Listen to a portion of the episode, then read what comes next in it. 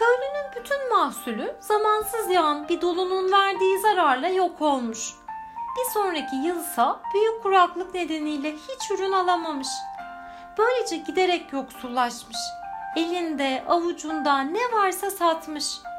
Ardından da evini, toprağını, bağını, bahçesini satmak zorunda kalmış. Borçlarını ödedikten sonra geriye kalan az bir parayla da ormana yakın bir toprak almış. Ama maalesef aldığı toprak tarım için elverişli değilmiş. Köylü ağaçları kesmiş, büyük çabalarla kökleri çıkarmış, toprağı düzlemiş ve insanüstü bir gayretle toprağını tarım yapılabilir hale getirmiş. Bahçenin bir köşesine de bir kulübe inşa etmiş. Yanına bir ahır çakmış. Arkaya bir çardak dikmiş. İki tane de inek almış.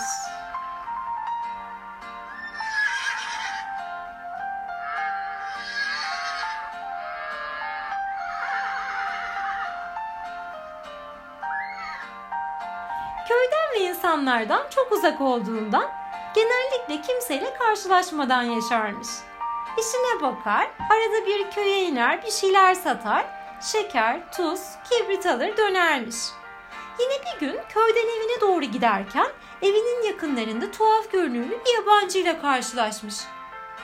İyi akşamlar komşu demiş yabancı.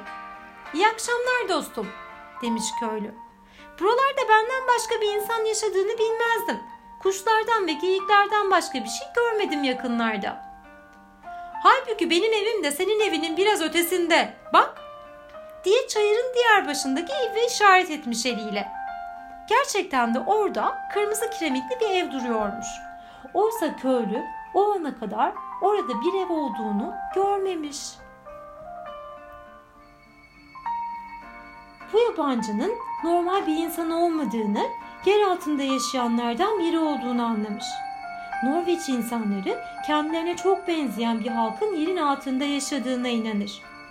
Bunlar isterlerse insana benzerler, isterlerse hayvanların şekline girerler, büyüler yaparlar. Ama onlardan korkmak yersizdir. Bir zarar vermedikçe size karşı tehlikeli olmazlar. Bunları bilen köylü de korkmamış. Yabancıyı evine davet etmiş. Ona kendi yaptığı şerbetten ikram etmiş. Havadan sudan konuşmuşlar ve bir süre sonra yabancı kalkarken şöyle demiş. Eğer ahırını başka bir yere taşırsan bana çok büyük bir iyilik etmiş olursun. Aman dostum bunu benden isteme. Daha yeni bitirdim inşaatı. Başka bir yerde nasıl kurarım yeniden? Kaldı ki kışa da az kaldı. Halbuki yapsan sen de pişman olmazsın demiş yabancı ve uzaklaşmış. Köylü günlerce düşünmüş ama bir çözüm de bulamamış.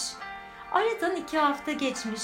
Bir gün ahırı temizlerken birden ayağının altından zeminin kaydığını hissetmiş. Zemin aşağılara doğru açılıyormuş. Birden kendini bir yemek salonunda bulmuş. İpek masa örtüsüyle kaplı masada altın ve gümüş tabaklarda yemekler varmış. Masanın etrafında oturanların arasında iki hafta önce karşılaştığı yabancıyı görmüş köylü. Onu da masaya davet etmişler. Ama tam yemek yiyecekleri sırada yukarıdan gübre sızmaya başlamış. Gördün mü? demiş yabancı.